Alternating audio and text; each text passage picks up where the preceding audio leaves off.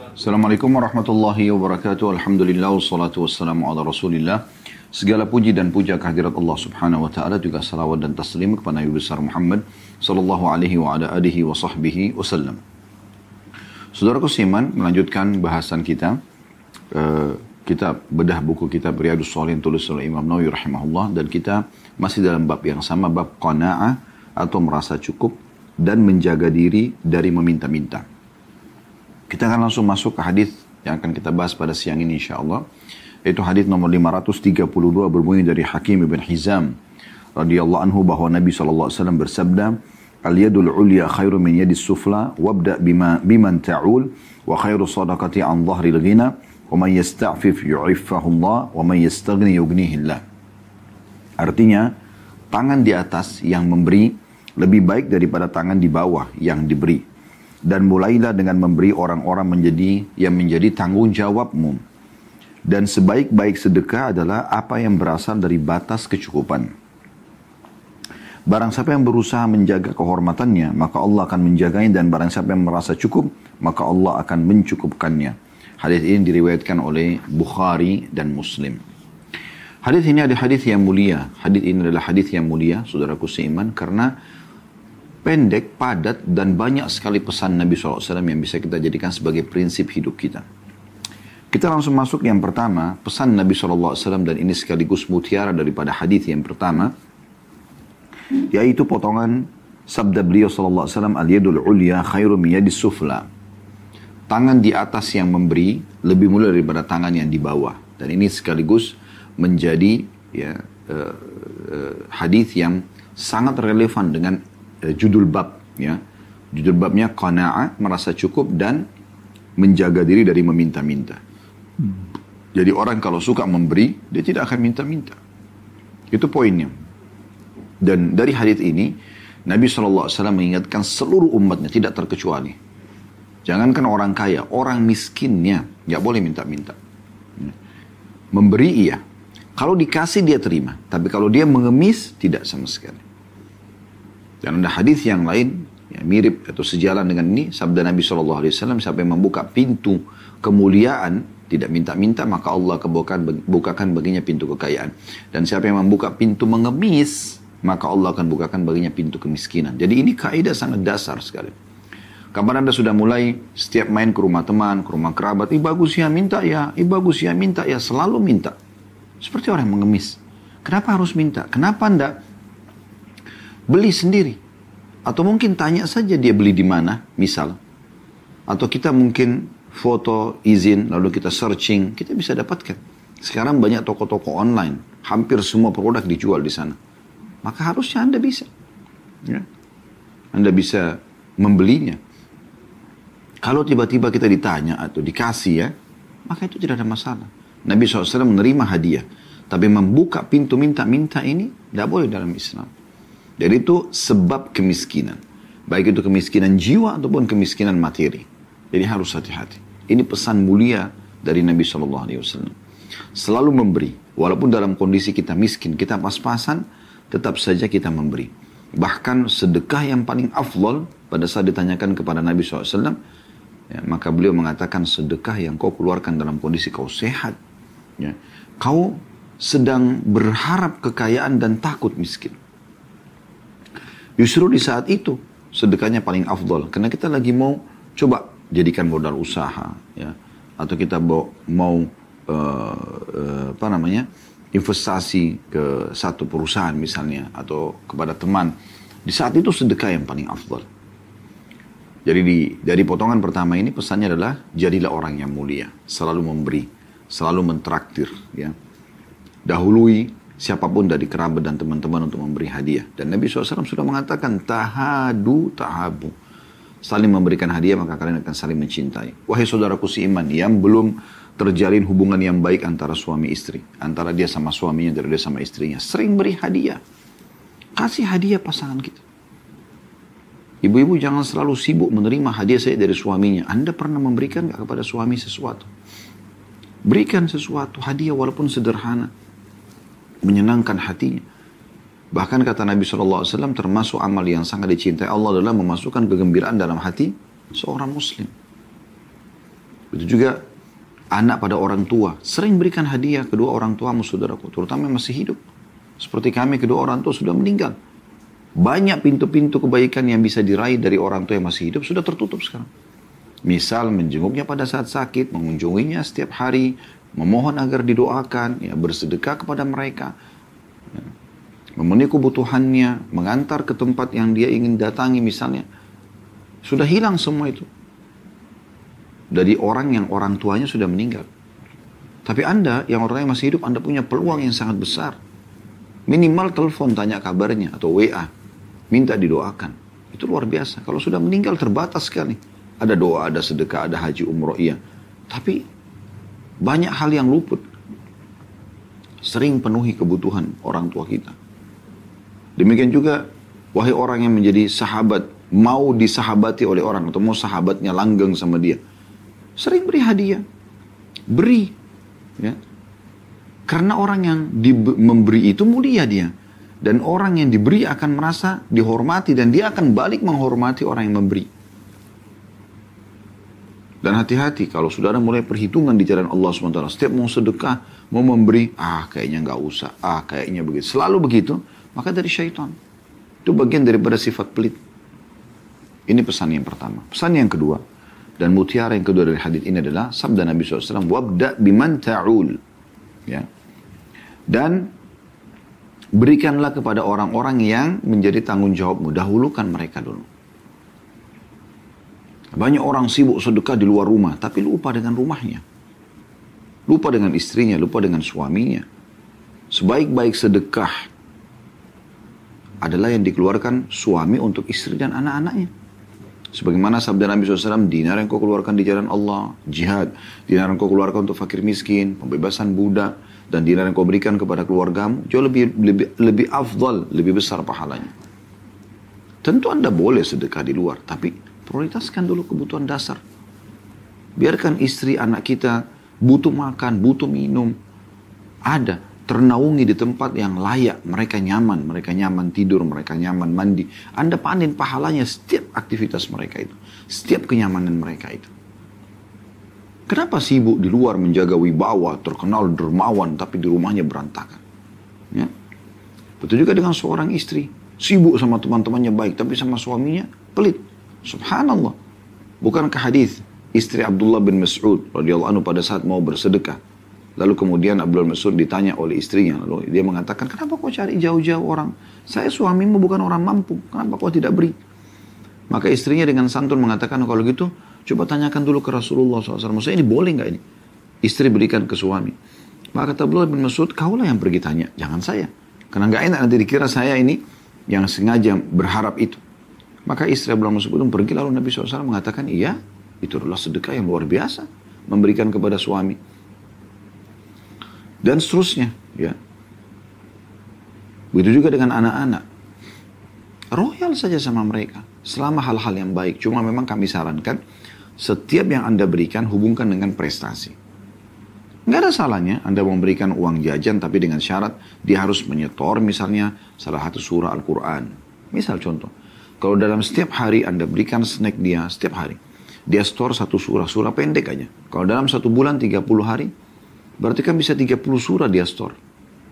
30 surah itu, anggaplah surah-surah pendek dari juz 30, dari juz 29. Itu berarti kurang lebih ya, sudah seperempat atau seperlima dari seluruh surah Al-Quran. Karena ada 114 surah. Walaupun memang ada surah-surah yang panjang ya. Tapi maksudnya hubungkan dengan prestasi. Ya, gak ada masalah. Kalau istri mencapai target tertentu, berikan dia hadiah apa. Gitu. Anak, berikan dia hadiah. Apa. Murid, berikan hadiah. Yang ketiga, pesan Nabi SAW, wa khairu sadaqati an zahri ghinan. Dan sebaik-baik sedekah itu adalah apa yang berasal dari batas kecukupan. Maksudnya, penuhi kebutuhan dasarmu dulu, baru sedekah. Silakan bersedekah. Tapi jangan lupa juga diri sendiri. Karena pernah ada sahabat yang bertanya, Ya Rasulullah, saya punya dirham. Siapa yang lebih layak saya sedekahi? Kata Nabi SAW, dirimu dulu. saya masih punya ya Rasulullah. Anakmu, saya masih punya ya Rasulullah. Istrimu, saya masih punya ya Rasulullah. Pembantumu, saya masih punya ya Rasulullah. Engkau lebih tahu setelah itu. Orang-orang terdekat ini dulu. Dan sesuatu yang dibatas kelebihan, sedekahkan. ini luar biasa ya. Bukan Nabi SAW mengatakan, yang lebih dari kebutuhan, tabung. Enggak. Sedekahkan. Keluarkan di jalan Allah SWT. Bawa bersamamu ke akhirat sana. Ingat statement Abdullah bin Mas'ud dan, kami kan dan kami jadikan ini simbol kami di yayasan kami gitu kan. Siapa yang mampu meletakkan hartanya di langit, letakkanlah. Karena tidak akan bisa dijangkau oleh tangan pencuri dan juga dimakan oleh rakyat. Artinya sedekah biar dibawa di timbangan amalmu nanti hari kiamat. Ya. Pesan yang keempat dari Nabi SAW. وَمَنْ يَسْتَعْفِفْ yu'iffahullah. Siapa yang menjaga, berusaha menjaga kehormatannya, Allah akan menjaganya. Tidak mengemis maksudnya. Dia menjaga nama baiknya. Allah akan jaga nama baiknya. Subhanallah, orang kalau minta itu teman-teman sekalian. Diberi pun terhina. Apalagi sampai tidak diberi. Apalagi sampai tidak diberi. Ya. Banyak sekali statement-statement yang harus kita perhatikan ya, berhubungan dengan masalah ini. Ada tulisan uh, seseorang ulama Syekh Abdurrahman bin Ali Al-Askar. Sebenarnya ini tulisan yang kecil, sederhana dalam bentuk matwiyat atau lembaran seperti ini yang dilipat-lipat. Biasanya di dekat Masjid Haram dibagi-bagi gitu ya di beberapa musola juga ya. Saya waktu itu sempat di Mekah, saya lihat kok saya ambil gitu. Bagus sekali. Ya. Di antaranya adalah perkataan Qais bin Asim pada saat beliau mewasiatkan kepada anaknya. Salah satu ulama salaf dulu. Beliau mengatakan pada saat mau wafat ya. Alaikum bil mali wastina'ah. Carilah harta itu, pendapatan itu. Dan urus baik-baik gitu. Fa'innahu membahatul karim karena dia sumber yang baik. Wa yustagna bihi 'anil laim dan menyelamatkan dari kehinaan. Wa iyyakum wal mas'alah dan jangan pernah mengemis. Fa innaha akhiru kasbar rajul karena itu pendapatan terakhir seseorang. Kalau betul-betul sudah tidak punya pendapatan kecuali harus minta, ya apa boleh buat. Di situ pintunya boleh dibuka, minta. Tapi tidak boleh terus-menerus. Ada kan banyak Anda dengar biasa kadang-kadang mereka malah hidup dari hasil pengemisan itu. Ternyata rumahnya besar. Dia sudah merasa nyaman dengan itu. Mengemis saja. Kenapa mengemis? Kenapa nggak muliakan diri? Jual, dagang. Begitu juga Sa'id bin Musayyib rahimahullah mengatakan, La khaira fi man la yatlubul mal. Tidak ada kebaikan dari seseorang yang tidak sengaja cari pendapatan. Yaqdi bihi dainah. Dia bisa bayar utang-utangnya. Wa yasunu bihi irdah. Dan dia juga menjaga kehormatannya. Nah ini kehormatan di sini. Harum namanya. Wa yakdibihi zimamah. Dia penuhi kebutuhan-kebutuhannya. Wa in mata, kalaupun dia mati, tarakahu mirathan liman ba'dah. Dia akan tinggalkan warisan untuk, atau dia akan jadikan atau tinggalkan sebagai warisan untuk ahli warisnya. Ya. Ini penting sekali. Beliau mengatakan innal amala wa in kana yasiran huwa khairu minal bitalah. Bekerja itu, beraktivitas, mencari pendapatan, menjaga kehormatan supaya tidak terhina itu jauh lebih baik daripada orang yang pengangguran. Wa khairu minal min min wa khairu niwali min ashabil mal dan lebih baik daripada menunggu ya. intidharin nawali min ashabil mal menunggu pemberian dari orang-orang pemilik harta. Wa aswa minhu su'al gina dan paling buruk atau lebih buruk lagi daripada itu adalah selalu mengemis dari orang-orang kaya. Liannum in a'tahu bakiyatil minna ala zahri yahmiluha. Kalaupun dia diberi maka akan ada tetap beban di pundaknya. Kalau setiap ketemu orang itu, oh ya, orang ini pernah kasih saya. Atau orang yang memberi mengatakan, oh si fulan, walaupun sudah tinggi jabatannya sekarang, oh dulu pernah mengemis sama saya itu. Ya. Wa in mana'uhu fagrishtama indahu su'atan. Dan kalau sampai ditolak, dia minta ditolak, maka berkumpul padanya dua keburukan. Zillul khaybah wa zillus su'al. Kehinaan hilangnya wibawahnya. Dan juga kehinaan dalam minta-minta, mengemis. Karena ditolak. Ya. Umar bin Khattab berkata radhiyallahu anhu, "Maksabatun fi di'ana khairu min su'alin nas." Bekerja mencari pendapatan untuk menjaga kehormatan walaupun susah payah jauh lebih baik daripada mengemis kepada orang-orang. Luqman al-Hakim yang disebutkan dalam surah Luqman, ya, seorang yang saleh berkata kepada anaknya, "Ya bunai, wahai anak-anakku, istagni bil halal." Selalu cari pendapatan halal, bekerja, beraktivitas. Jaga kehormatanmu, jangan sampai kau terhina dengan mengemis.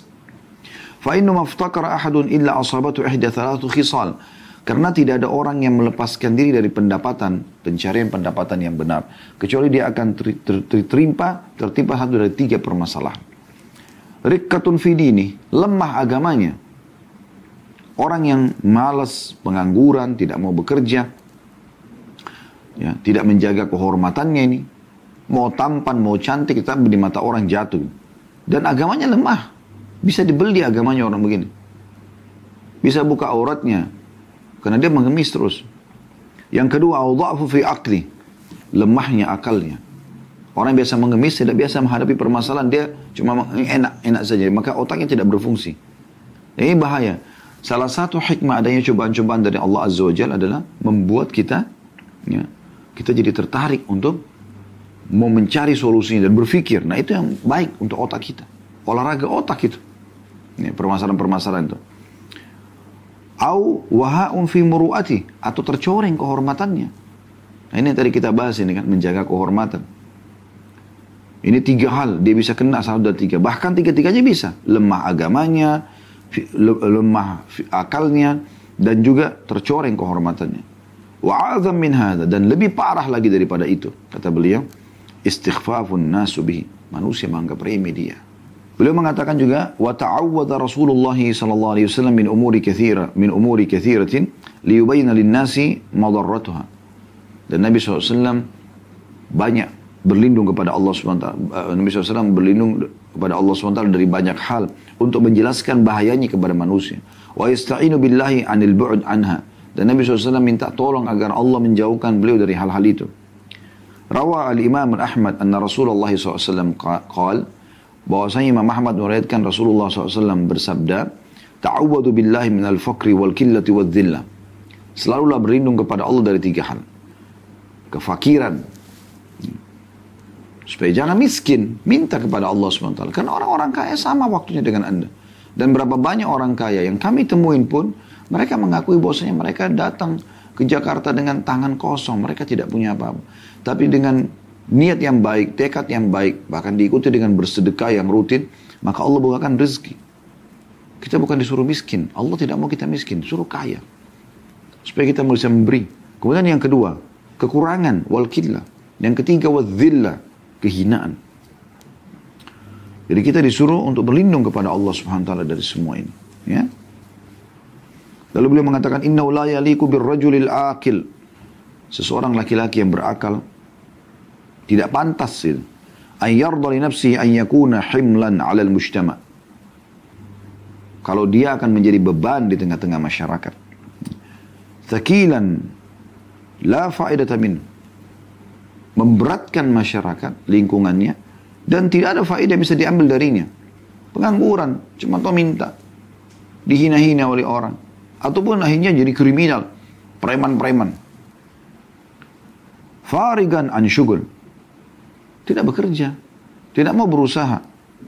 Yaqulu Umar radhiyallahu anhu maka Umar berkata radhiyallahu anhu, "Inni la ara rajula fayu'jibuni syaklu." Aku kadang-kadang melihat ada orang, aku kagum melihat paras wajahnya, poster tubuhnya, pakai penampilannya, bagus sekali. Faidah sa'altu anhu, tapi pada saat saya tanya tentang dia, faqila la amalalah sakata min aini. Kalau saya tanya, maka orang-orang mengatakan, tapi dia pengangguran maka jatuh dia di mataku. Maksudnya tidak ada nilainya orang ini di mataku.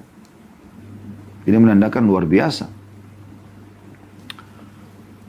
Beliau juga mengatakan wasahabatuhu saya ulangi dulu wa kana nabiyyuna Muhammad sallallahu alaihi wasallam wa ishtari. Ketahuilah bahwasanya Nabi Muhammad sallallahu alaihi wasallam nabi kita Beliau bertransaksi jual beli. Menjual dan membeli. Yabi' wa yashtari. Wa yarhan.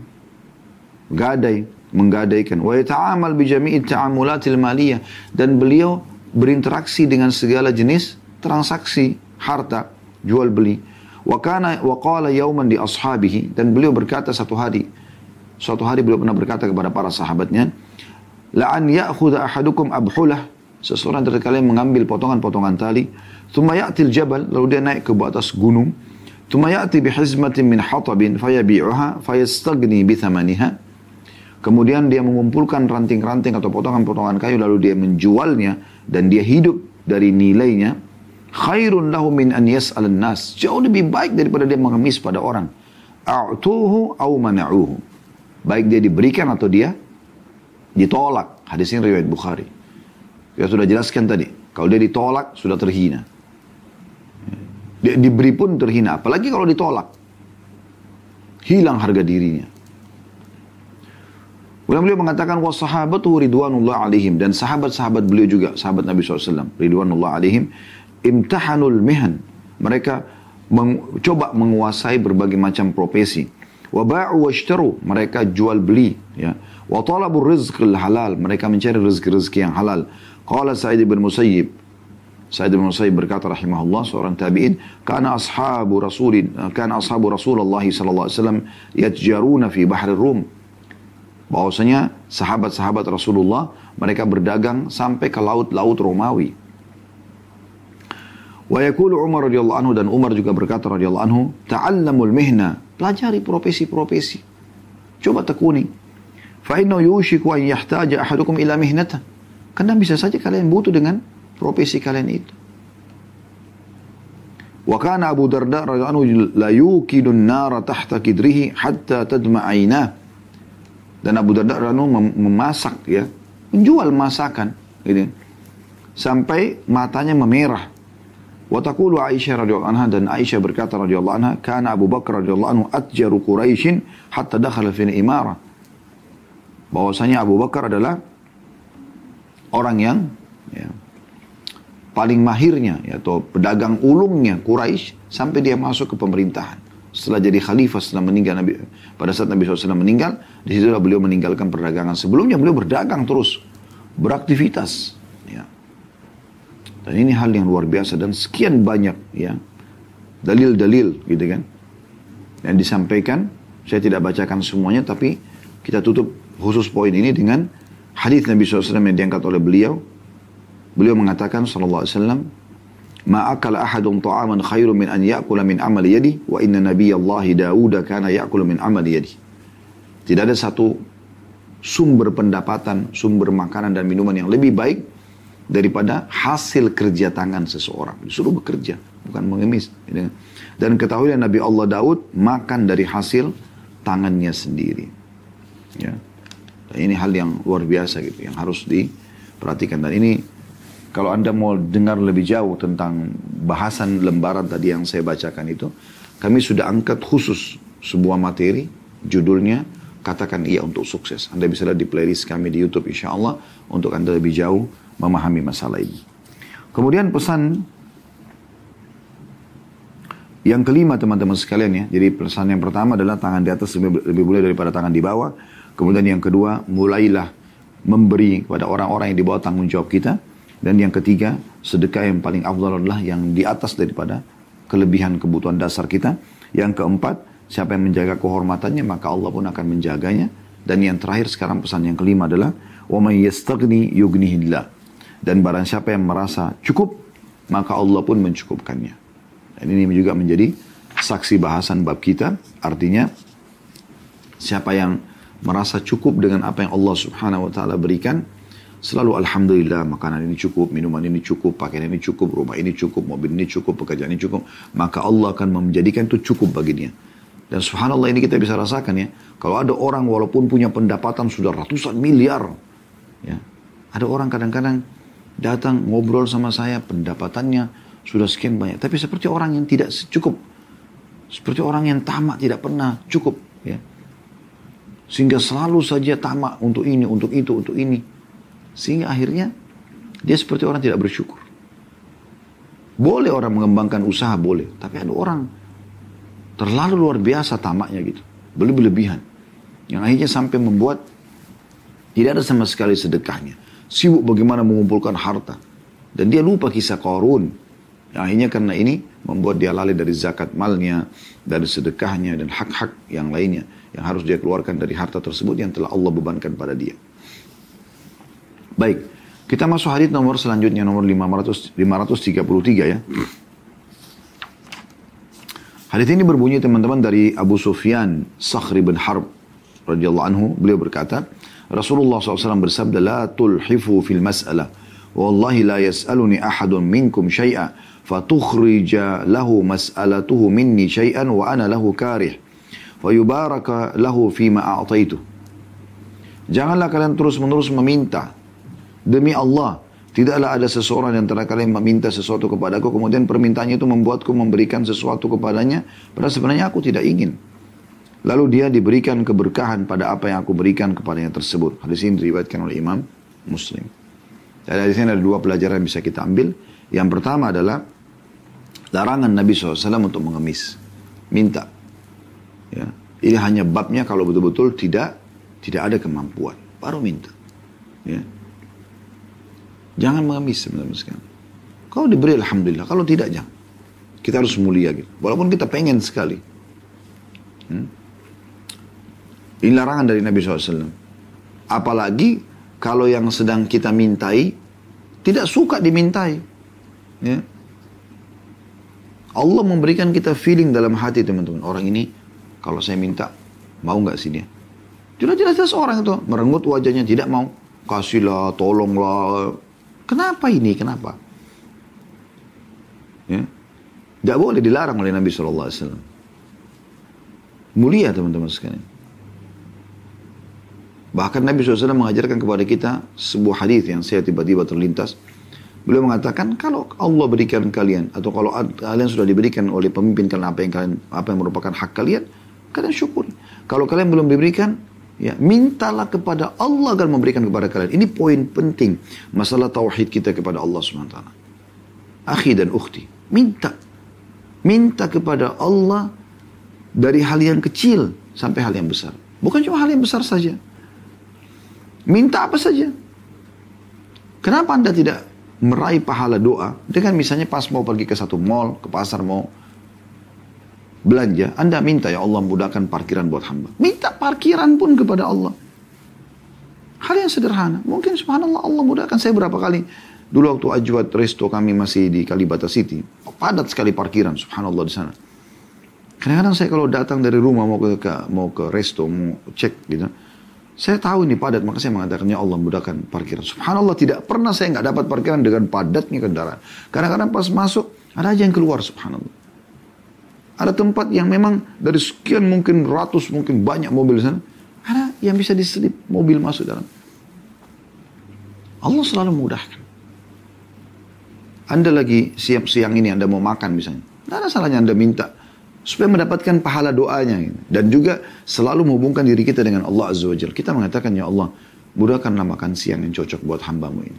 Ya Allah, aku lagi pengen makan sup kah, nasi kah, apa. Ya Allah, pengen makan ini. Sampai minta sama Allah. Tetap juga Anda tahu Anda akan membelinya selepas duhur misalnya, atau selepas uh, atau di waktu istirahat kantor. Tapi Anda berdoa kepada Allah SWT. Anda mau beli baju, minta sama Allah. Supaya dimudahkan. Para sahabat Nabi itu kalau sendal mereka putus, mereka minta, Ya Allah sendal saya putus gantikan. Begitu luar biasa tauhid mereka. Dan memang ini yang Allah Azza wa perintahkan kepada kita. Kita selalu manja dan bergantung kepadanya. Hampir semua lini kehidupan kita kan. Bangun tidur ada doanya. Mau mau tidur ada doa, bangun tidur ada doa. Mau ke kamar masuk kamar mandi ada doa, ya. Mau mulai berwudu, pakai air, bismillah ada doa. Masuk WC ada doa. Uh, pada saat Anda selesai mandi, Anda uh, pernah pakai baju ada doa. Keluar rumah ada doa. Mau makan, minum ada doa. Ya. Lihat seseorang yang punya kekurangan di pinggir jalan, ada doanya. Kita ke masjid, mau sholat duhur, ada doa. Melangkah ke masjid ada doanya. Masuk masjid ada doa. Keluar masjid ada doa. Antara azan di kamar disuruh berdoa. Di dalam sholat sepanjang sholat penuh dengan doa. Habis sholat ada doa. Ada zikir. Kemudian juga masuk rumah ada doa. Semuanya ada doanya. Allah SWT memang mau kita ini bergantung padanya. Dan Allah ingin kita manja. Kenapa tidak mau teman-teman sekalian? Tidak ada ruginya kan gitu. Nah poin yang kedua dari hadis ini adalah kalau ada orang yang sengaja mengemis, apalagi sampai orang yang dia minta itu nggak suka gitu, tetap dia ngoyo-ngoyo gitu. Maka kalaupun dia dikasih tidak ada keberkahan apa yang dia terima itu. Karena orang yang memberi itu tidak tidak tulus, tidak ikhlas, terpaksa gitu. Nah ini nggak boleh, nggak ada keberkahan di situ. Mana dari keberkahan tidak akan mencukupi. Baik teman-teman sekarang kita lanjutkan lagi hadis nomor 534. Berbunyi dari Abu Abdurrahman Auf bin Malik al-Ashja'i radhiyallahu anhu beliau berkata Kunna 'inda Rasulillah sallallahu alaihi wasallam tis'atan aw thamaniyatan aw sab'ah. Faqal ألا تبايعون رسول الله صلى الله عليه وسلم؟ وكنا حديث أهد ببيعة. فقلنا قد بايعناك يا رسول الله. ثم قال ألا تبايعون رسول الله؟ فبسطنا أيدينا وقلنا قد بايعناك يا رسول الله. فعلى ما نبايعك على فعلى ما نبايعك. قال على أن تعبد على أن تعبد الله ولا تشرك به شيئا والصلوات الخمس وتطيع الله وأصر كلمة خفيفة ولا تسأل الناس شيئا. فلقد رأيت بعد أولئك النفر يسقط صوت أحدهم فما يسأل أحدا يناوله إياه. Artinya, kami sembilan orang atau delapan orang atau tujuh orang di sisi Rasulullah SAW dan beliau bersabda. Artinya di sini Auf bin Malik al-Ashja'i ragu jumlahnya kami tujuh, delapan atau sembilan orang gitu. Dan pada saat itu Rasulullah SAW bersabda kepada kami, apakah kalian tidak berbaiat kepada Rasulullah SAW? Dan mana bayat adalah janji setia. Ya. Waktu itu kami baru saja berbaiat, maka kami menjawab, kami telah berbaiat kepada wahai Rasulullah. Kemudian beliau bersabda lagi, apakah kalian tidak berbaiat kepada Rasulullah SAW? Maka kami mengulurkan tangan kami dan mengatakan, kami telah membayat anda wahai Rasulullah. Maka dalam hal apa kami harus membayar Anda lagi? Apakah ada tambahan informasi? Ya. Beliau bersabda, berbayatlah agar kalian menyembah Allah dan tidak menyekutukannya dengan apa pun. Menegakkan sholat lima waktu dan dan taat kepada Allah. Dan beliau menyamarkan kalimat ringan. Maksudnya menyampaikan ada tambahannya. Yaitu agar kalian tidak meminta kepada manusia. Maka saya benar-benar kata Auf bin Malik radhiyallahu perawi hadis ini, saya benar-benar telah melihat sebagian dari mereka pada saat cambuknya terjatuh tapi tidak mau minta tolong kepada siapa pun untuk mengambilnya. Hadis ini diriwayatkan oleh Imam Muslim. Hadis ini mulia teman-teman sekalian. Banyak maknanya. Di antaranya adalah yang pertama kita bisa ambil pelajarannya tentang masalah bagaimana Nabi SAW dibaiat oleh para sahabat dan ini terjadi ya pada Nabi SAW atau pemimpin yang sedang memimpin. Kita memberikan janji setia kita. Kalau kita masih hidup di zaman Nabi SAW, maka Nabi selalu mengatakan atau sering mengatakan pada, kepada para sahabat, sering mengatakan pada mereka, bayatlah gitu. Apalagi orang kalau baru masuk Islam. Maksudnya, buat janji setia. Maka Nabi SAW sering kali mengambil bayat kepada mereka seperti standarnya yang ada disebutkan dalam hadis ini. Yaitu, menyembah Allah tidak menyekutukan menyekutukan Allah dengan sesuatu apa pun ya. dan Nabi SAW menghubungkan dengan apa yang sedang terjadi pelanggaran di antara mereka misalnya seperti penduduk Mekah dulu mereka masih sering makan bangkai ya e, menyembah ber, menyembah berhala e, dan segala macam tradisi jahiliyah dulu maka itu semua dihapus gitu di sini beliau mengatakan juga dan sholat ya. ini umum dalam bait Nabi SAW tidak boleh menyebutkan Allah Kemudian menegakkan sholat lima waktu dan taat kepada Allah. Apa yang Allah perintahkan kerjakan, apa yang Allah larang tinggalkan. Itu janji setiap setiap muslim ya, yang harus dipegangi. Kemudian di sini Nabi SAW menitipkan pesan kata Auf bin Malik. Kalau yang apa yang Nabi sebutkan itu sering sering kami dengar, bahkan kami sudah bayat Nabi dalam hal itu. Tapi ada pesan Nabi yang berbeda, ditambahkan lagi di situ. Yaitu beliau mengatakan jangan pernah mengemis pada orang. Jangan pernah minta-minta sama orang. Bahkan minta tolong pun darurat sekali. Jadi ini bayat yang terjadi kepada Nabi Shallallahu Alaihi Wasallam.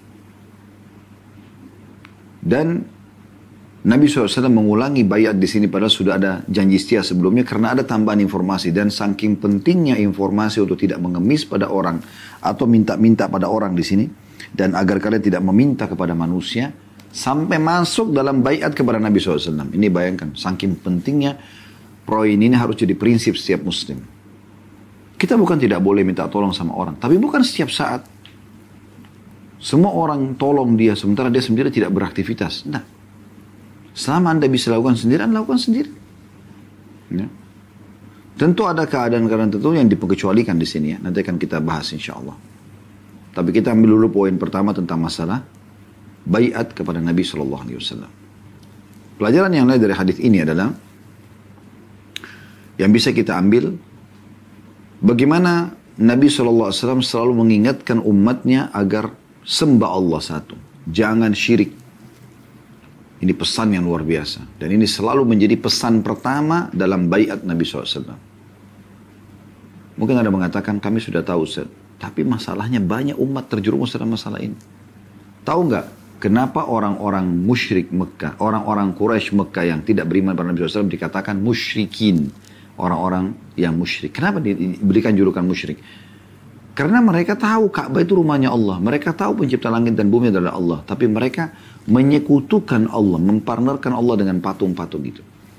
Mereka masih meminta pada Allah dan meminta juga pada patung tersebut. Bahkan kadang-kadang mereka mendahulukan patung daripada Allah Azza wa Allah tidak butuh sekutu.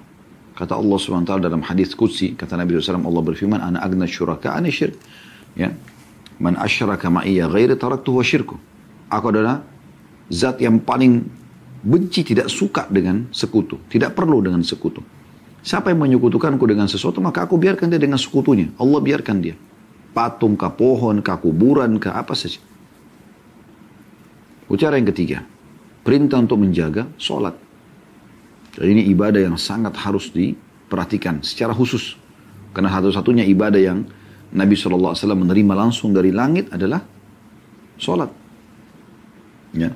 Yang lain semua di bumi. Yang keempat, selalu taat kepada Allah. Apa yang Allah perintahkan kerjakan, apa yang Allah larang jauhi. Dalam segala keadaan. Dan yang terakhir, yang kelima, yang bisa kita ambil dari mutiara hadis ini adalah inti bahasan atau yang sedang dibahas dalam bab kita. Tidak boleh meminta pada Allah. Di sini subhanallah, Auf ibn Malik al-Ashja'i radhiyallahu anhu memberikan gambaran kepada kita. Bagaimana memahami meminta ini? Apakah meminta duit? Meminta pakaian? Meminta makanan? Bukan itu yang dibahas. Beliau mengatakan, sembilan orang itu tadi, tujuh sampai sembilan orang, antara itu beliau ragu ya. Dia bilang, saya dengan mata kepala sendiri setelah penyampaian Nabi SAW ini, kalau tongkatnya pun jatuh, atau cambuknya itu, tidak pernah dia bilang, tolong ambilin. Walaupun dari atas unta, di atas kuda, dia turun, dia ambil sendiri. Saking mulianya dirinya gitu.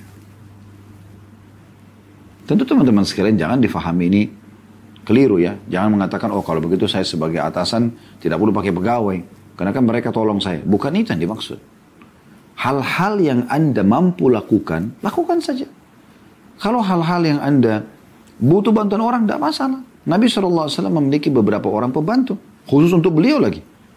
Abdullah bin Mas'ud radhiyallahu anhu menyiapkan sendal dan juga ya siwak Nabi Shallallahu alaihi wasallam. Anas ibn Malik membeli kebutuhan-kebutuhan Nabi Shallallahu alaihi wasallam. Ya. Ada kir-kira yang khusus mengurus pelana Nabi Shallallahu alaihi wasallam. Dan setiap ada sahabat yang mau berkhidmat, Nabi SAW biarkan. Ada juga sahabat yang dulu bahkan khusus datang menginap di rumah Nabi SAW atau di depan pintu rumah Nabi hanya untuk menyiapkan air untuk uduk dan sholat untuk uh, untuk uduk sholat malamnya Nabi SAW yang Nabi mengatakan mintalah sesuatu. Lalu dia mengatakan ya Rasulullah saya minta agar saya bersama dengan anda di surga. Permintaan yang sangat mulia. Saya berharap kita berharap berada di posisi sahabat ini. Karena Nabi SAW mengatakan kalau gitu ada permintaan lain? Dia bilang tidak ada. Ya kalau begitu kata Nabi SAW bantu saya dengan memperbanyak supaya hajatmu dipenuhi. Bisa bersama aku di surga nanti? Banyak, bantu aku banyak sujud, banyak sholat. Terutama sholat sunnah. Maka boleh orang minta tolong dengan pegawainya, dengan istrinya, ya, dengan anaknya. Apalagi kalau memang poinnya, ini tadi yang saya bilang saya akan jelaskan, nah ini poinnya. Kalau kita tahu, ya, atau kita ingin memberikan peluang kepada dia agar bisa mendapatkan pahala ekstra. Contoh misalnya, orang tua pada anaknya. Ya. Saya misalnya pada saat ayah rahimahullah masih hidup, beliau beberapa tahun yang lalu. Beliau kadang-kadang kalau mau keluar, saya sengaja menyiapkan sendalnya. Kadang-kadang beliau mengatakan, tidak apa-apa Khalid. Saya bilang, bah, saya bilang Abah, saya panggil Abah. Saya berikan kesempatan uh, Ana, saya bilang, Ana untuk mendapatkan pahala. Maka semenjak itu beliau faham gitu. Beliau membiarkan saya mengambil sendalnya pada saat di akhir hidup beliau, beliau pakai tongkat. Uh, apa saja gitu. Beliau mau minum saya yang ambilkan, walaupun dekat. Nah ini kan beda keadaannya, karena memang ada poin di mana si anak bisa berbakti sama orang tua. Begitu juga dengan istri pada suaminya. Boleh suami mengatakan, tolong ambilin handuk itu. Sebenarnya dia bukan niat untuk merendahkan dirinya, bukan. Tapi dia memberikan kesempatan si istri untuk mendapatkan pahala. Nah itu berbeda. Ya. Tapi maksud sini teman-teman sekalian, jatuh sedikit pulpennya, tolong ambilin. Kadang-kadang sampai orang sama sama orang yang tidak kenal pun dia minta tolong. Kenapa nggak ambil sendiri? Kecuali ada orang tiba-tiba yang memang mau sukarela bantu dia kasih nggak ada masalah. Tapi dia minta tolong. Yang sebenarnya dia masih bisa lakukan. Nah ini yang dimaksud. Jadi harus tepat pemahamannya. Nah ini yang kita bisa ambil dari hadis ini teman-teman sekalian. Dan ini hadis yang sangat mulia yang harusnya difahami oleh setiap orang di antara kita insya Allah. Saya akan coba uh, baca hadis selanjutnya 535 dulu untuk menambah uh, informasi kita insya Allah pada kesempatan ini. Yaitu hadis nomor 535 dari Ibnu Umar radhiyallahu anhu bahwa Nabi SAW bersabda, لا تزال المسألة بأحدكم حتى يلقى الله تعالى وليس في وجهه مزأمة لحم. Hadis ini riwayat Bukhari Muslim. Artinya, tidak henti-hentinya salah seorang di antara kalian meminta-minta, mengemis-mengemis sehingga nanti dia akan bertemu Allah Ta'ala dalam keadaan tidak ada sepotong daging pun di wajahnya. Naudzubillah. Ya. Artinya orang itu terus mengemis, mengemis sampai akhirnya Allah Azza wa Jal hukum dia. Dan hukumannya Allah berat. Allah tidak ingin dia mengemis. Kenapa nggak minta sebagai sang pencipta Allah kepada sang pencipta Allah akan berikan. Allah maha kaya. Kenapa mengemis pada manusia? Apalagi di saat dia punya kemampuan. Dia dijadikan sebagai sumber ya, pendapatan dia. Nah, ini keliru. Ini ancaman yang sangat tegas. Harusnya setiap orang di antara kita berhati-hati dengan ancaman seperti ini. Yaitu dia akan bertemu dengan Allah Azza wa dalam kondisi mukanya tidak ada dagingnya. Anda bayangkan seperti tengkorak saja. Bentuk penghinaan dan siksaan bagi dia. Baik ini hadis nomor 535.